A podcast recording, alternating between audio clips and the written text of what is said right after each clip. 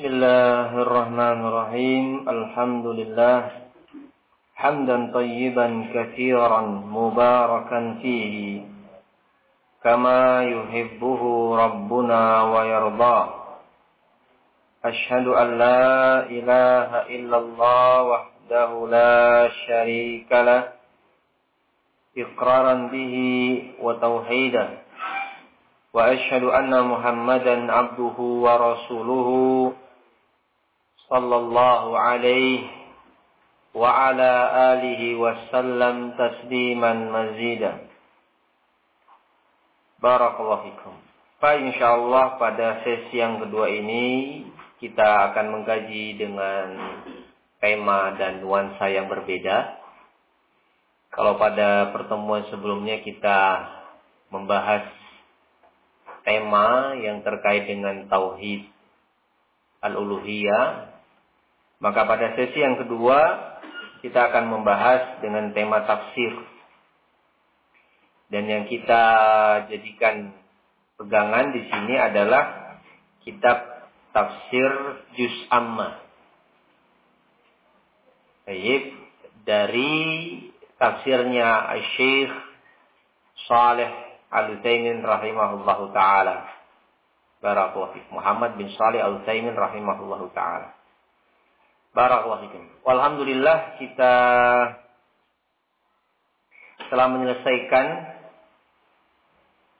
dua surat iya dalam kitab ini. Yang pertama surat apa, Pak? Al-Fatihah, yang kedua adalah surat An-Naba. Barakallahu.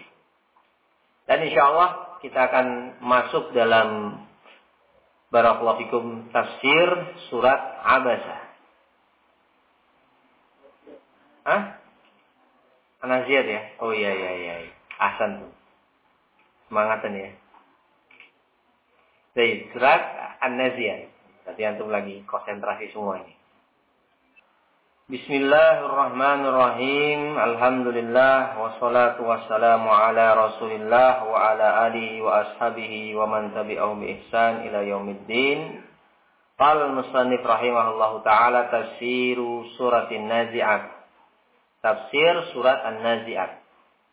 Qala Allah taala bismillahirrahmanirrahim wan nazi'ati gharqa والناشطات نشطا والسابحات سبحا فالسابقات سبقا فالمدبرات أمرا يوم ترجف الراجفة تتبعها الرادفة.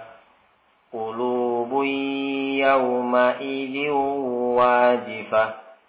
أبصارها خاشعة. يقولون أئنا لمردودون في الحافرة أئذا كنا عظاما نخرة. قالوا تلك إذا كرة خاسرة فإنما هي زجرة واحدة فإذا هم بالساهرة قال المصنف رحمه الله تعالى البسملة تقدم الكلام عليها Adapun lafaz basmalah sudah lewat pembahasan tentangnya. Wan nazi'at yakni al-malaikata al-muwakkalah biqabdi arwahil kuffar tanzi'uha. Yang dimaksud dengan an-nazi'at di dalam ayat ini adalah para malaikat yang menjadi wakil Allah Subhanahu wa taala untuk mencabut arwahnya orang-orang kafir. Jadi nazi'at itu nama malaikat. Ya. Atau malaikat yang memiliki tugas mencabut nyawa orang kafir. Barakallahu fikum. Tayyib. Tanza'uha gharqan. Ay naz'an bisyiddah. Di mana para malaikat tadi mencabut ruh atau arwah orang-orang kafir gharqan yaitu dengan satu kali cabutan yang sangat apa? Hah? Walau lembut, syiddah itu keras. Iya, kasar. Barakallahu fikum. Baik. Malaikat yang mencabut arwah orang-orang kafir dengan kasar. Sehingga Allah bersumpah dengan nama malaikat tadi. Ya, demi malaikat yang mencabut nyawa orang-orang kafir dengan kasar. Barakallahu. Baik. Ini barakallahu fikum penafsiran Baik. disebutkan oleh Ibnu Mas'ud di situ ada riwayat yanzauha malakul maut min ajsadihim min tahti kulli sya'ratin min tahti al-adhafiri wa usulil qadamaini naz'an Barakallahu itu. Disebutkan oleh Ibnu Mas'ud terkait dengan keterangan bagaimana cara mencabutnya yaitu malaikat maut mencabut nyawa orang-orang kafir tadi dari jasadnya min tahti kulli syaratin dari setiap helai rambut Wa min tahti kulli azafir. Dan dari setiap apa? kuku-kuku mereka. Wa usulil qadamain dan ujung dari kedua kaki. Naz'an kasufudi yunza'u minas sufi ar-ratbi. Seperti rambut yang ditarik dari bulu ya suf bulu domba yang basah. Thumma yughriquha ay yarfa'uha fi ajsadihim. Kemudian diangkat dari jasadnya. Thumma yanza'uha hadza amaluhu bil kafir. Kemudian setelah itu barakallahu fikum baru di sentak. Iya.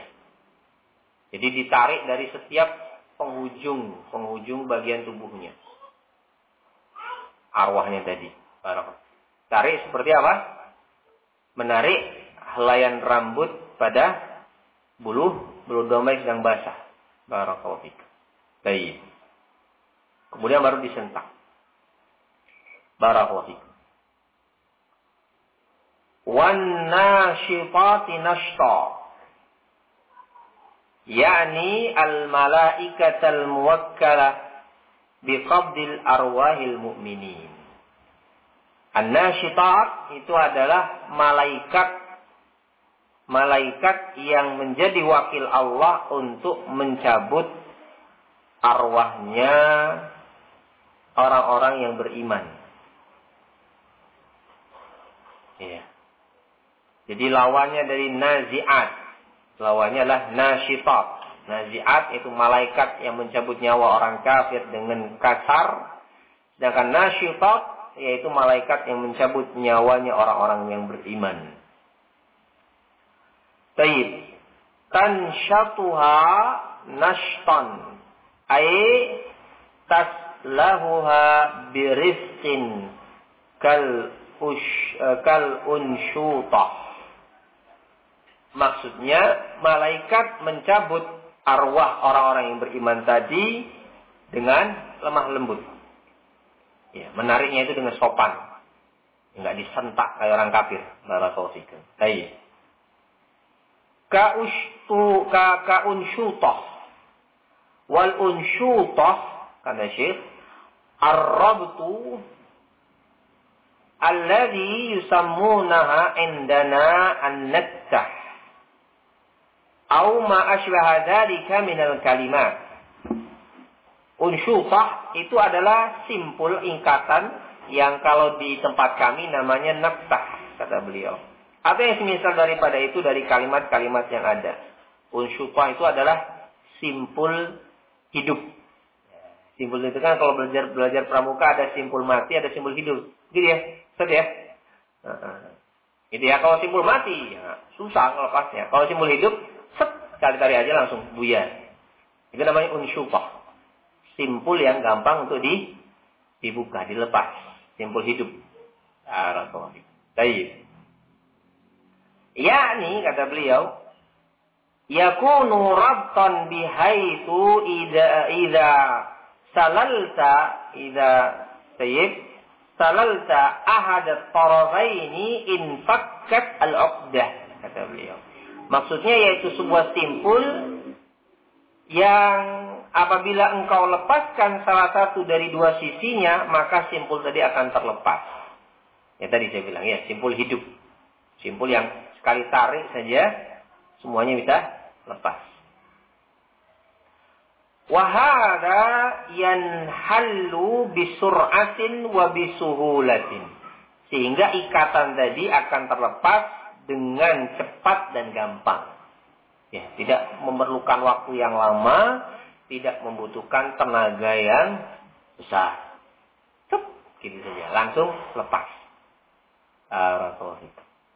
Ya. Itu arwahnya yang beriman. Gampang larinya. Hmm.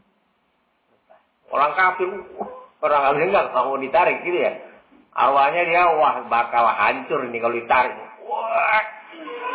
Barakallahu Hah? Paksa nariknya ya. ya. Tapi kalau orang beriman, nah itu ya, gampang. Karena memang mereka sudah siap. Gitu ya. Sudah Robi itu Rabbah wa bil Islami dinah Nabi Muhammadin Rasulah. Jika menarik arwahnya itu gampang. Barakallah. Orang kafir, wah, liar. Barakallahu fikum. Fahaula'il malaikatul muwakkalatu biqabdil arwahil mu'minin tanshatuha nashtan ay tayyib tasla, uh, tusilluha atau tasalluha birifqin. Maka malaikat-malaikat yang menjadi wakil Allah tadi untuk mencabut arwahnya orang-orang yang beriman, dia akan mencabutnya dengan nasyaf. Artinya dengan apa? Lembut. Barakallahu fikum. Baik. Wa sababu zalika adapun penyebabnya kenapa malaikat mencabutnya dengan lembut? Annal malaikata al-muwakkalata biqabdil arwahil kuffar Ida ya da'at ar-ruha ilal khuruj tunadiha bi aqbahi awsafi bi aqbahil awsafi تقول الملائكة لروح الكافر اخرجي أيتها النفس الخبيثة الذي التي كانت في الجسد الخبيثة ukhruji ila ghadabillah fatanziru ar-ruh la turidu an takhruja ila hadha di sini belum menyebutkan alasannya kenapa yang ini nyabutnya dengan keras yang ini dengan halus kata beliau kata Syekh Utsaimin penyebabnya adalah bahwasanya malaikat yang diwakilkan untuk mencabut arwah orang-orang kafir Tayyib ketika dia memanggil arwah orang yang kafir tadi, rohnya tadi, untuk keluar, maka malaikat akan memanggilnya dengan panggilan, ya, dengan pensifatan yang paling jelek. Jadi panggilannya juga kasar, gitu ya. Barakallahu fikum. Di mana malaikat mengatakan kepada rohnya orang kafir, ya, Hai jiwa yang jelek, keluar. Iya. Jiwa yang jelek berada di jasad yang jelek, keluar. Keluarlah menuju kemurkaan Allah. Wah, sehingga dengar langsung ucapan seperti itu. Langsung roh-roh tadi, barakallahu fikum apa? menjadi liar, besar. Sehingga dia nggak mau keluar malah. Malah, nggak mau masuk. Nggak mau keluar. Ayo keluar. Iya. Wahai jiwa yang jelek. Berada di jasad yang jelek. Keluar menuju kemurkaan Allah subhanahu wa ta'ala. Tambah liar rohnya tadi. Enggak mau. Gitu ya. Nah, makanya dicabut kata sama malaikat. Barakallahu fikum. Baik. Kemudian kata beliau, wa tatafarraqa fil jasadi hatta yaqbiduha bisyiddah. Sehingga roh tadi barakallahu fikum tatafarraq. Terpecah-pecah di dalam jasad. Gitu ya. Makanya ada yang dicabut lewat helai rambutnya, ada yang dicabut lewat ujung kuku-kukunya, ada yang dicabut lewat barakallahu fikum kedua kakinya. Roh tadi buyar. Saking takutnya. Barakallahu fikum. Jadi, Sehingga malaikat pun mau tidak mau mencabutnya dengan kasar. Karena memang nggak mau keluar. Barakallahu fikum. Naz'an yakadu yatamazzaq ya, ya yakadu yatamazzaqul jasadu minha min syiddatin naz'i sehingga malaikat-malaikat pun mereka mencabut roh tadi dengan sangat kasar sampai ya, jasadnya itu seolah-olah ingin sobek. Saking kasarnya. Barakallahu fikum. Ya, iya. iya. Karena hewan ya, karena roh tadi juga mempertahankan diri, nggak mau keluar. Gitu ya. Kari-karian, ya, seolah jadi jasadnya itu udah bisa sobek. Barakallahu fikum. Baik. Itu gambaran ya sekaratnya orang-orang yang kah? kafir. Barakallahu Iya. Nauzubillah min dzalik. Sehingga benar-benar sangat bodoh orang-orang yang murtad. Ya. Menjual agamanya hanya dengan untuk santunan tiap bulan 500 ribu. Ya. Kalau dia baca ayat ini barakallahu fikum, gemeteran kali. Baik. Hanya dengan uang 500 ribu tiap bulan, barakallahu fikum, dia rela untuk mendapatkan cara mati seperti ini. Iya. Orang-orang yang mati dalam keadaan barakallahu fikum murtad, keluar dari agamanya. Iya. Iya. Itu sangat mengerikan barakallahu fikum. Amma arwahul mu'minin. Jadi gambaran yang mengerikan, setelah itu beliau memberikan gambaran yang menyenangkan. Adapun orang-orang yang beriman, eh, ja'alani Allah wa iyyakum minhum kata beliau. Semoga Allah menjadikan aku dan kalian bagian dari mereka. Allahumma amin. Kata beliau, fa innal malaikata idza nazalat liqabdiha tubashiruha. Karena malaikat ketika turun untuk mencabut arwah orang yang beriman, maka malaikat memberikan kabar gembira. Jadi dikasih berita-berita yang enak. Ya, apa itu? Ukhruji ya ayyatuhan nasut tayyibah allati kanat fi jasadit tayyib ukhruji ila ridwanillah. Malaikat mengatakan, wahai jiwa yang baik, berada di tubuh yang baik, keluarlah. Keluarlah menuju keriduan Allah subhanahu wa ta'ala.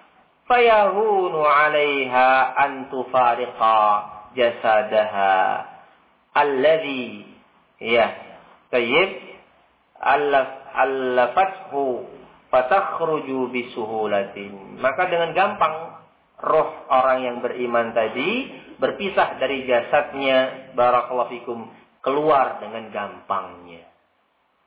Karena apa? Diminta keluarnya tadi dengan apa? Kabar gembira. Iya. Berita yang yang menyenangkan sehingga gampang. Gak usah susah-susah malaikat tadi mencabut arwahnya. Gampang. Barakallahu fikum. Ya. Semoga kita mendapatkan itu semua barakallahu fikum. Falihada kata beliau, lama qala An-Nabi alaihi salatu wassalam Man ahabba liqa'a Allah ahabba Allah liqa'ahu wa man kariha liqa'a Allah kariha Allah liqa'ahu. Oleh karena itulah Nabi mengatakan ya barang siapa yang senang untuk berjumpa dengan Allah maka Allah juga akan senang berjumpa dengan dia. Dan barang siapa yang benci berjumpa dengan Allah, maka Allah juga akan benci berjumpa dengan dia. Jadi itu tergantung bagaimana Anda ketika di dunia. Ketika Anda itu rindu dengan akhirat, rindu untuk masuk ke dalam surganya Allah Subhanahu wa taala, barakallahu fikum, maka Allah juga akan rindu kepada Anda. Gitu ya. Tentunya orang yang rindu dengan akhirat, orang yang rindu dengan Allah, tentunya dia akan berupaya mengamalkan amalan-amalan yang membuat dia dekat dengan Allah Subhanahu wa taala. Tapi sebaliknya, orang-orang yang gak suka ya berjumpa dengan Allah, artinya orang-orang yang memang pandangan dia terhadap akhirat itu nggak ada sudah. Yang ada di hadapan dia cuma dunia, dunia, dunia, dunia. Hingga kalau ngomong akhirat, wah dia kayak kepanasan gitu ya. Udahlah, jangan ngomong kayak gitu terus. Yang lain aja lah, masalah bisnis lah, kan, apa ya.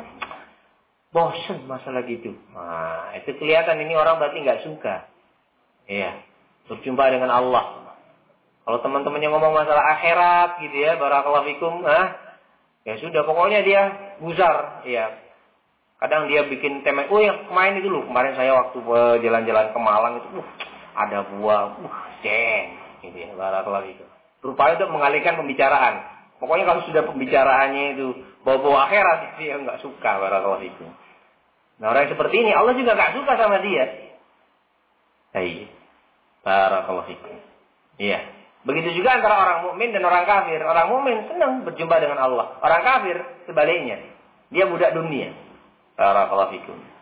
Hai. Sehingga keluarnya ya tergantung bagaimana Anda di dunia. Li'annahu fi tilkal lahza yara kata beliau annahu sayantaqilu uh, sayantaqilu ila dari ahsan min daril lati faraqaha ha Oh, jadi ya, nah, barakallahu fiik. Ahsanta. Qalat Aisyah, "Ya Rasulullah, inna lanakrahul maut. Iya. Maka Aisyah agak sedikit iskal. Kok bisa orang itu senang berjumpa dengan Allah? Artinya senang dengan kematian. Gitu ya. Aisyah mengatakan, Loh, Rasul bukannya kita itu memang dengan yang namanya kematian itu tidak suka. Kan wajar, gitu ya. Namanya orang yang mati itu artinya apa, Ya, segera akan berjumpa dengan Allah. Gitu ya. Barang siapa yang suka untuk segera berjumpa dengan Allah, maka Allah juga akan suka berjumpa dengan dia. Yang tidak suka berjumpa dengan Allah, maka Allah juga tidak suka berjumpa dengan dia. Aisyah memahaminya dengan makna apa? Kematian. Kan wajar Rasul kalau ada orang yang tidak suka mati. Semua orang ya nggak suka mati. Eh, itu kata Aisyah. Fakal, maka Rasul mengatakan, Laisa dzalika Walakinnal mu'mina إذا hadarahu al-mautu bushira biridwanillah wa karamatihi. Falaysa syai'un ahabba مما mimma amamahu fa ahabba وأحب الله wa. Rasul mengatakan gambarannya bukan seperti yang kamu bayangkan wahai wahai Aisyah. Ya. Bukan berarti orang takut mati atau nggak takut mati.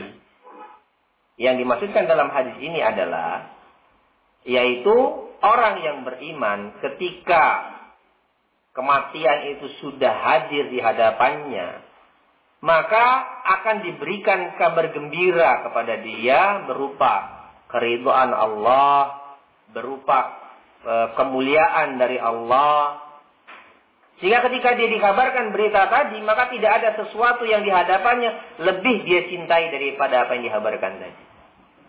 Barakallahu Sehingga dia sangat kepingin, ayo cepet. Ketika dia tahu orang ini akan mendapatkan riba dari Allah, akan mendapatkan kemuliaan dari Allah, tentunya apa? Dia pengen cepat-cepat. Gitu ya, pengen segera meraihnya tadi. Barakallahu Maka Allah pun suka untuk berjumpa dengan dengan dia. Barakallahu fikum. Baik. Ya. Beda halnya dengan orang kafir tadi. Ketika dia mau dicabut nyawanya dikasih tahu berita yang mengerikan tadi barakallahu fikum. Sehingga apa? Ya dia nggak mau segera untuk berjumpa dengan Allah Subhanahu wa taala, maka Allah pun tidak mau berjumpa dengan dia. Li'annahu fi tilkal lahzati yara annahu sayantaqilu ila dari ahsan min daril lati faraqaha. Fayafrahu kama yafrahu ahaduna idza qila lahu ukhruj min baitit tin ila baitil musallih al-qasr musyayyadit tayyib. Ya. Karena arwah pada saat itu dia memandang dia akan pindah dari sebuah negeri ya yang dia berpisah dengan jasadnya menuju negeri yang lebih baik. Jadi arwah tadi barakallahu fikum dia ketika ingin sakarat di ketika diucapkan ucapan tadi dia langsung sadar ya dia itu akan pindah ke negeri yang lebih baik daripada negeri yang kemarin dia tinggali. Barakallahu fikum. Sehingga dia merasa sangat senang. Gambarannya kata beliau seperti salah seorang di kalangan kita ketika ada yang bilang, ayo keluar dari rumahmu yang dari tanah itu menuju rumah yang gedung, ya mewah, barakallahu fikum, rumah yang penuh dengan fasilitas. Gimana kira-kira perasaan anda? Senang toh? Baik. Barakallahu Pak, sampean pindah dari rumah kupu ini dapat subsidi dari pemerintahan daerah rumah yang di sana. Dikasih lihat lewat HP ini Pak fotonya. Wah, mantap ya. Hah? Barakallahu. Dari wallpapernya dia rumahnya itu luar biasa. Gitu ya. Barakallahu. Ya sudah. Ya. Gak pakai seminggu pindahnya. Hari itu juga dia mau pindah. Barakallahu. Sekarang boleh pak? Ya boleh pak. Silakan. Sampean kalau mau pindah sekarang, tafadhol. Langsung hari itu dia pindah. Senang sekali. Ya. Nah, itu gambarannya. Baik. Kemudian kata beliau, fayafrahu fayuhibbu lika Allah. Maka dia pun merasa senang dan dia sangat ya suka untuk berjumpa dengan Allah. Wal kafir wal iyadu billah bil aksi idza busyira bil ghadabi wal azabi fa innahu yakrahu ayyamuta. Sedangkan orang kafir kata beliau, ya, kita memohon perlindungan Allah dari orang yang seperti ini. Sebaliknya, ketika dikasih kabar akan kemurkaan Allah dan adab dari Allah, maka dia nggak mau benci dengan kematian tadi. Ya, nggak pasrah, barakallahu, nggak rela. Baik. Barakallahu fikum. Yakrahu liqa Allah fayakrahu fayakrahu Allahu liqa'ahu. Sehingga dia benci berjumpa dengan Allah, maka Allah pun benci berjumpa dengan dengan dia. Itu maksudnya. Orang yang suka berjumpa dengan Allah, maka Allah akan suka berjumpa dengan dia Orang yang tidak suka berjumpa dengan Allah, maka Allah tidak suka berjumpa dengan dia. Maksudnya, keadaan ketika manusia tadi sekarat. Ya. Ketika malaikat ngasih tahu, Anda termasuk orang yang akan mendapatkan ridha dari Allah. Sehingga apa? Secara otomatis dia akan senang. Ya. Dan sebaliknya, orang yang ketika dikasih tahu dia itu mendapat murka dari Allah, ya jelas dia akan benci dengan yang namanya ke kematian. Barakallahu fikum. Baik. Itu maknanya. Sudah siap belum? Hah?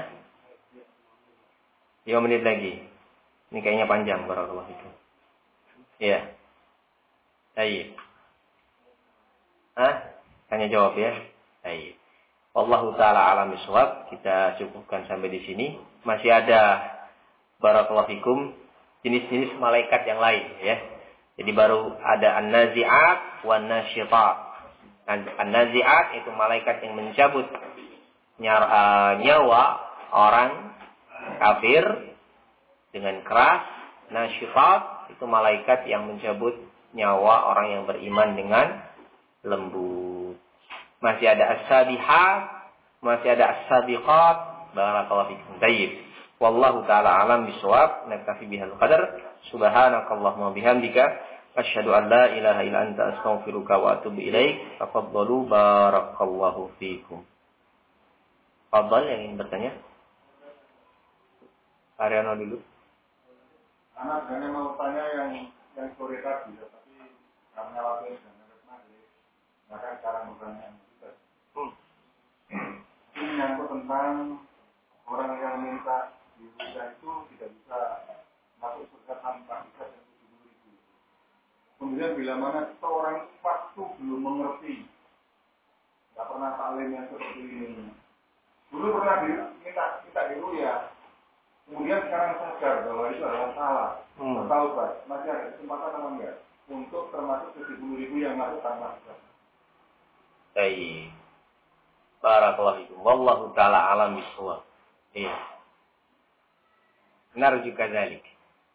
Ya kita berharap saja barakallahu fikum dengan kejahilan yang ada pada dia itu menjadi uzur. Gitu ya, menjadi uzur barakallahu fikum uh, bagi dia terhadap tindakan dia yang kurang pas tadi. Barakallahu. Baik. Seandainya pun barakallahu fikum uh, dia gagal mendapatkan kuota tadi, tapi masih banyak keutamaan-keutamaan yang lain. Ya. Berarti barakallahu fikum nanti ada juga orang yang ketika di hari kiamat di padang mahsyar dia mendapatkan fasilitas khusus walaupun harus kantri. Seperti apa? Orang yang akan mendapatkan naungan dari naungan-naungan Allah Subhanahu wa taala. Mungkin dia luput dari uh, apa? Kloter yang pertama tadi ya. Ush. Baik. Tapi jangan khawatir masih ada keutamaan-keutamaan yang lain walaupun Anda harus kantri tapi dengan apa? Ngantrinya itu di executive lounge. Nah, ini ya. Hah?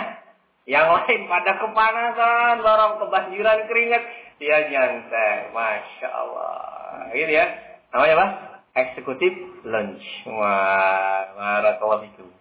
Itu ada ya, tujuh golongan yang disebutkan oleh Rasul. Dia berupaya mengamalkan amalan tadi.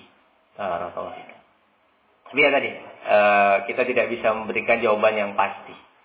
Iya. Karena nasnya seperti itu, barakallahu fikum.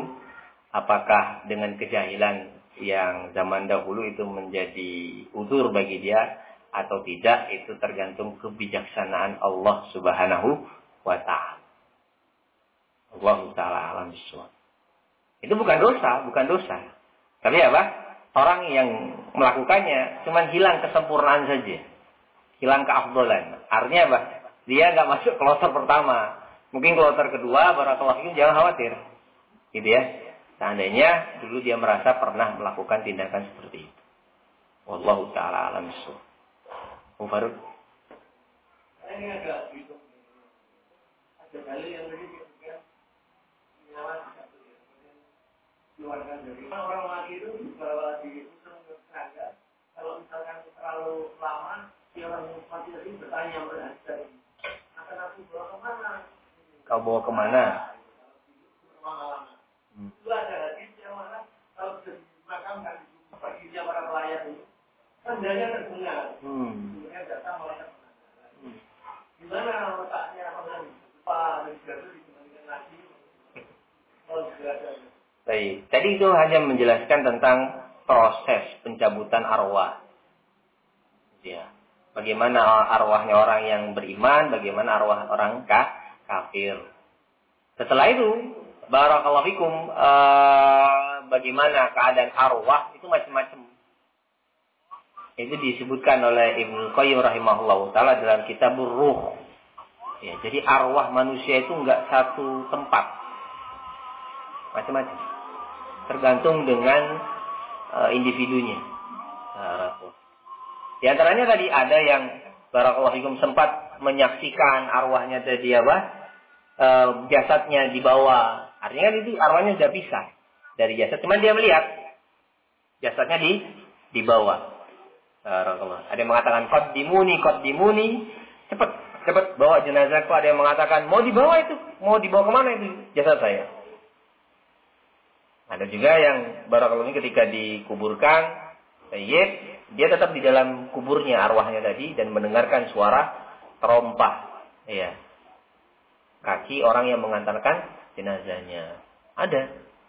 Barakallahu. Ada juga nanti yang barakallahu fikum dia e, berada di pintu surga arwahnya. Iya. Barakallahu fikum. Macam-macam. Itu disebutkan oleh beliau Ibnu Qayyim rahimahullah taala berdasarkan beberapa riwayat yang ada. Dan itu enggak kontradiksi, tapi itu menunjukkan beragamnya keadaan arwah manusia setelah dicabut dari ruhnya. Jadi enggak satu posisi mereka. Enggak satu keadaan. Nah, ada juga yang berada di tembolok burung hijau itu untuk para mujahidin. Iya, barakallahu fikum. Bagaimana? Iya nggak tahu. Iya nggak tahu pak. Perkara saya. saya juga nggak punya koneksi sama malaikatnya soalnya. Jadi nggak bisa tanya saya.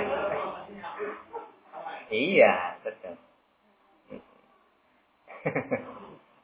bisa. Ada lagi? Kalau Abu Faruk nanyanya agak dalam-dalam nih, repot soalnya. Ada lagi yang ingin bertanya? Eh, ya, monggo. Hmm. Ana pernah mengadakan suatu reklah. Ya, betapa berasnya orang reklah. Kadang-kadang di suatu negeri orang kita nggak tahu bahasanya. Hmm. Sampai kadang-kadang ketakutan, apalagi kadang-kadang orang punya penyakit. Gak usah penyakit yang yang berat-berat diare. Kita bingung luar biasa.